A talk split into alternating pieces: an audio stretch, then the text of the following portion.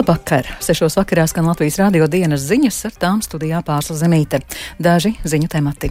Valsts budžeta projekts iesniegts saimā. Krievija intensīvi apšaudījis plašu teritoriju Ukrainas vidienē, visvairāk cietusi Harkiva.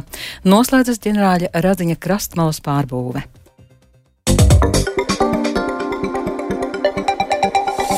Bez dzīvības pazīmēm valsts policija atradusi bezvēst prombūtnē izsludināto zīdaini, bet viņas māte joprojām meklē.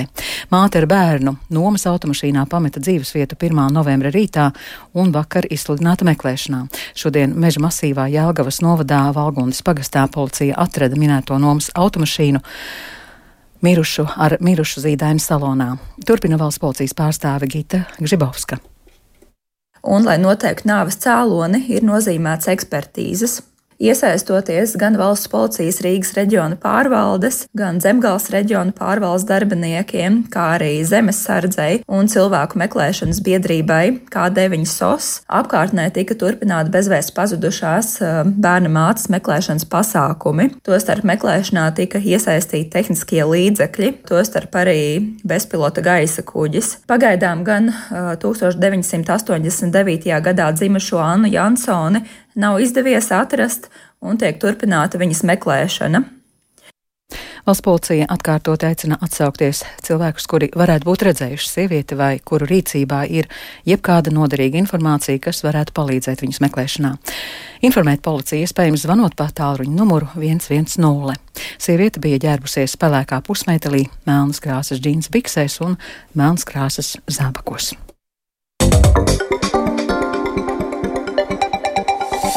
Drošības un ilgtspējas budžets. Tā šodien saimā iesniegto budžeta projektu devē finanšu ministrs Arvils Ašarādens no jaunās vienotības, kurš to saimā nogādāja nesot tradicionālajā brūnas ādas portfelī.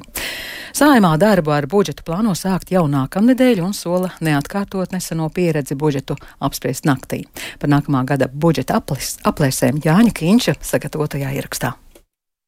Ar jūsu gādību Tātad saima uzsāks tūlīt pat ar darbu pie budžeta izskatīšanas, un tas tiks pieņemts. Kopijot tradīciju, finanšu ministrs Arvils Ašarādens no jaunās vienotības valsts budžeta projektu saimu atnesa īpašā portfelī. To jau 1997. gadā šim nolūkam veltīja toreizējais finanšu ministrs Roberts Zīle. 2024. gadā izdevumiem budžetā paredzēta 16,2 miljārdi eiro, bet ieņēmumi plānota 14,5 miljārdi eiro. Tas ir pirmais budžeta projekts, ko virza valdība Evikas Siliņas vadībā. Nākamā gada budžetā lielāks uzsvars ir uz sociālo politiku. Budžeta galvenos virzienus ilustrē Arvils Ašrādens. No teiksim, tā, budžeta eh, politisko prioritāšu naudas 70% ir novirzīta ļoti svarīgām lietām, kā valsts drošība, kas ir varbūt mūsu fundamentālā prioritāte, un arī, protams, ilgspējīga izaugsme, tā ir izglītība un veselības aprūpe. Valdība to ir nosaukusi par drošības un ilgspējas budžetu, un, manuprāt, kā finanšu ministrs var teikt, tā ir adekvāta atbilde tiem ģeopolitiskiem izaicinājumiem un ekonomiskiem izaicinājumiem, kuriem valsts šobrīd atrodas. Saņemot simbolisko budžeta portfeli, saimnes priekšsēdētāja Daiga Mieriņa no Zaļo Zemnieku savienības pauda, ka budžeta izskatīšanas procesu saimā nekavēs. To sāks jau nākamnedēļ, un pirmajā lasījumā budžetu skatīs jau pirms valsts svētkiem. 2023. gada budžetu saima galīgajā lasījumā veitīja teju diennakti no vietas, panākot saudabīgu rekordu. Šogad deputāti tā nedarīšot. Naktī budžets netiks skatīts, un naktī noteikti tie labākie lēmumi nevar tikt pieņemti. Šā gada budžetā nebūs tā saucamās deputātu kvotas, kas paredzētu līdzekļus parlamentāriešu individuāli izraudzītiem projektiem. To apliecina Saimnes budžeta un finanšu nodokļu komisijas vadītājs Jānis Rērs no jaunās vienotības. Es domāju, ka šajā situācijā kad līdzekļi ir, jaunie līdzekļi ir iedoti tikai prioritātēm, es domāju, mēs eh, naudu nekur citur neņemsim. 2024. gada budžeta projekts ir tapis augstas nenoteiktības apstākļos. Strauji augošas inflācijas laiks būs noslēdzies, un prognozes nākamajam gadam sola inflācijas stabilizēšanos ap 2,2%. Savukārt gada otrajā pusē prognozēta ekonomikas izaugsme ap 2,5%. Jānis Kincis, Latvijas Radio. Pēc asajām diskusijām dziesmu svētku izvērtēšanas konferences atklāšanā, kurā diriģenti prasīs skaidru atbildi ministrei algu jautājumā un Latvijas diriģentu asociācijas atklātās vēstules, kultūras ministrijā šodien turpinājās diskusijas īpašā darba grupā, kurā lemts virzīt tālāk finanšu ministrijai ziņojumu par dziesmu svētku amatieru kolektīvu vadītāju atalgojumu. Kā norāda Latvijas pašvaldības savienības izglītības un kultūras komitejas priekšsēdētāja Rita Vectirāne, kultūras ministrijai šobrīd vēl nav pilnu datu par visiem pašvaldību kolektīviem un to, cik lielu finansējumu katra no pašvaldībām iegulda. Un tad ir lūk divi piemēri. Jālgavas novads kopējais finansējums šiem uh, kolektīviem vadības komandām, jāsaka tā, tas nav tikai vadītājiem, ir 515 465 eiro, un valsts finansējuma proporcija šajā sadaļā ir 4,76%. Savukārt Jālgavas pilsētā šī valsts finansējuma sadaļa ir 3,35%. Tā kā tas liecina tikai par to, ka tā pašvaldību ieguldījums dziesmu svētku kustībā ir uh, proporcionāli ļoti liela. Un tas mūsu redzējums būtu, ka mēs pakāpeniski, nu, tiks divu gadu griezumā šo proporciju samazinātu, lai mēs varētu novīstarot pašvaldības un valsts finanšu ieguldījumus tiesas svētku kustībā. Un nu, mēs sadzirdējām no kultūras ministrijas uh, solījumu, ka viņa tālāk dosies pie finanšu ministra ar datos balstītiem priekšlikumiem, lai palielinātu šo atbalstu šiem amatieru kolektīvu vadītāju samaksai. Vides aizsardzības un reģionālās attīstības ministra Inga Bērziņa no jaunās vienotības prasa pārskatīt Rēzeknes domas lēmumu par pedagoģu algu aprēķinu. Izglītības ministrija ir esot konstatējusi, ka Reizeknē skolotāja algas aprēķinātas pretrunā valdībā apstiprinātajam tādajādi skolotājiem nesamaksājot par nostrādāto. Pedagogus pārstāvošā arotbiedrība to vērtēja kā rupju patvaļu no pašvaldības puses, kas turklāt ir par sliktu pedagogiem. Latvijā jāstiprina partiju iekšējās demokrātijas līmenis. To pētījumā secinājusi biedrība Sabiedrība par atklātību Dēlna. Intervijās ar partiju valdes locekļiem, biedriem un pētot arī partiju statūtus, secināts, ka partiju biedrus nepietiekami iesaista lēmumu pieņemšanā un biedru iesaista lielākajā daļā gadījumu arī aprakstīta tikai vispārīgi. Plašākai sabiedrībai līdz ar to ir liekta iespēja saprast, kā notiek lēmumu pieņemšana katrā partijā, īpaši partiju apvienībās, norāda Dānas pētnieks un pretkorupcijas eksperts Olafs Grigus intervējām divas pārstāvjus no katras partijas. Eh, viens parasti bija partijas vadības valdes loceklis. Tad mēs centāmies otru pārstāvi tādam līdzsvaram atrast eh, tādu ierindus biedru, kurš nav bijis valdes loceklis. Un parasti visproblemātiskāk ar iekšējās demokrātijas mehānismiem ir tieši partiju apvienībās nodrošināt to, tad eh, partiju biedriem ir vairāk neskaidrību par to, kas ir tas viņa iesaistas iespējas, un eh, biedriem nav iespējams veikt šo pāraudzību par lēmumiem, kas pieņemts partneru organizācijā. Ko mēs esam redzējuši praksē, ir, ka apvienību gadījumā partijas valde, ja biedrs te uzdod neērtus jautājumus, var vienmēr atsaukties uz to, ka tas ir lēmums, kas pieņemts otrā organizācijā, un biedriem ļoti grūti par to pārliecināties vai tātad saukt pie atbildīgi šos te otras partijas amatpersonas.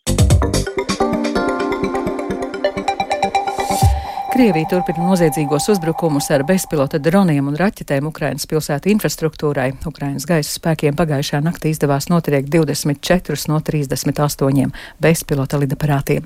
Aizvadītajā diennaktī uzbrukumi bijuši desmit reģionos plašā valsts teritorijā. Vissmagākais masveida uzbrukums noticis Harkivai. Smagi postīta kritiskā infrastruktūra Ukrainas rietumu pilsētā Ļvivā. Intensīvi dronu uzbrukumi bija arī Ukrainas dienvidos virs Mikolājevas, Hersonas, Dņipropetrovskas un Vīnītas apgabala. Turpina Ukrainas bruņoto spēku operatīvās pavēlniecības dienvidi pārstāve Natālija Humeņuka. Salīdzinot ar iepriekšējiem uzbrukumiem, šonakt notikušajiem raksturīgs ir tas, ka ienaidnieks mūsu atbildības teritorijā neizmantoja vadāmās aviobumbas. Tā vietā bija spēcīgs dronu uzbrukums, kura laikā izmantoja arī spārnoto raķeti. Mūsu atbildības zonā tie bija šahed tipa droni. Faktiski pret gaisa aizsardzība mūsu virzienā strādāja piecas stundas. Ukraiņi sagaida, ka uzbrukumi kritiskai infrastruktūrai pastiprināsies, turpina mūsu korespondente Ukrainā Indra Sprānce.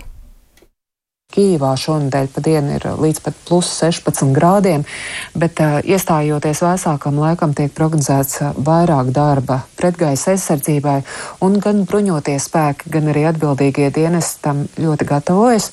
Bez droniem un raķetēm, kas terorizē Ukrainu teju katru dienu, Kopš vispārējā iebrukuma sākuma frontei tuvāk esošās pilsētas un ciemi katru dienu tiek apšaudīti arī ar artilēriju, minmetējiem, tankiem un citādi.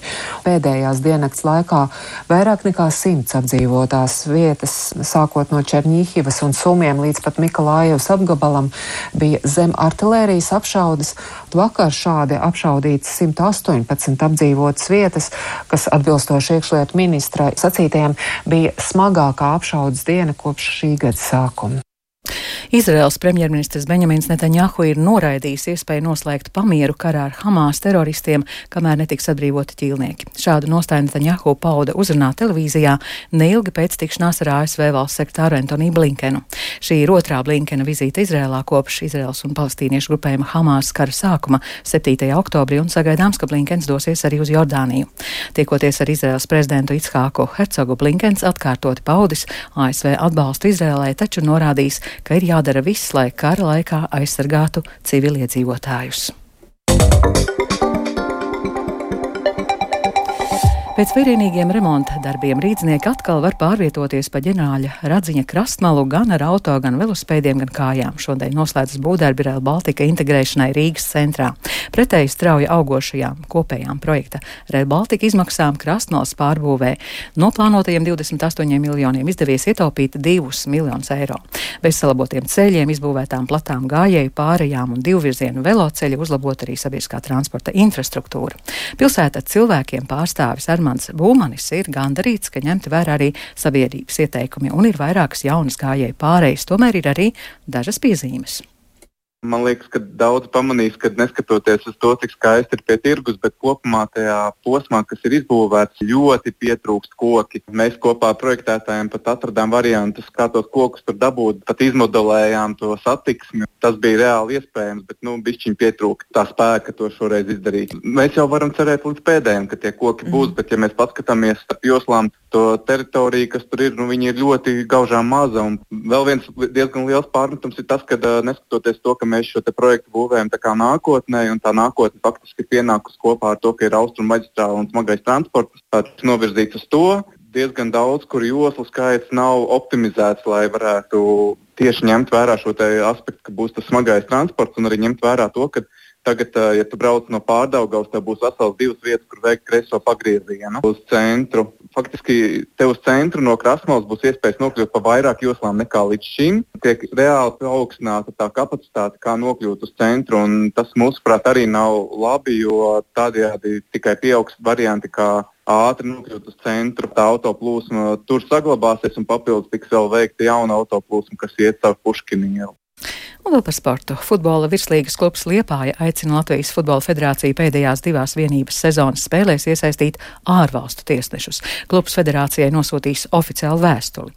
Liepājnieki nav apmierināti ar Latvijas tiesnešu darbu šo sezonu, kā arī vēlas virslīgā jaunas vēsmas tiesāšanā un komunikācijā ar tiesnešiem. Latvijas radio sacīja Liepājas vienības pārstāvis Dāvids Jansons.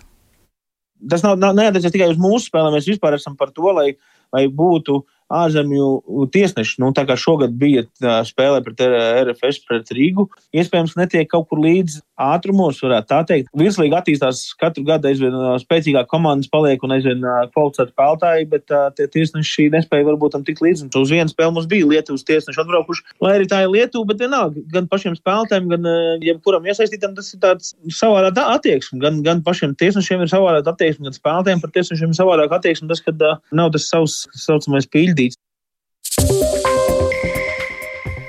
Ar to izskan Latvijas radio dienas ziņas producente Vija Bremze, ieraksts montēja Kaspars Groskops, par labskaņu rūpējās Katrīna Bramberga, par jums runāja Pārsa Zemīte. Latvijas vidas geoloģijas un meteoroloģijas centrs informē Rīgā 10 grādi, dienvidu austrumu vējš 6 m2, gaisa spiediens 751 mm, gaisa relatīvais mitrums 80%, bet kāds laiks gaidāms turpmāk prognozē Toms Bricis. Ciklona sistēmā, kas ceturtdien nesa postošas vētras rietumē Eiropā, turpina veidoties atsevišķi nelielāki cikloni, kas arī nesīs vēja pastiprināšanos, ko sestdien jutīsim arī Latvijā.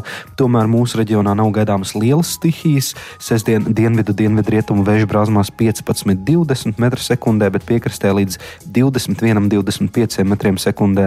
Sestdien gan naktī, gan dienā visā Latvijā brīžiem līs, temperatūra gan naktī, gan dienā 6-12 grādu robežās. Svētdien vējš norims, nelielas lietus gaidāmas tikai vietām, un brīžiem parādīsies saule. Minimālā temperatūra naktī plus 1,6 grādi, dienā gaisa iesils līdz 6,11 grādiem.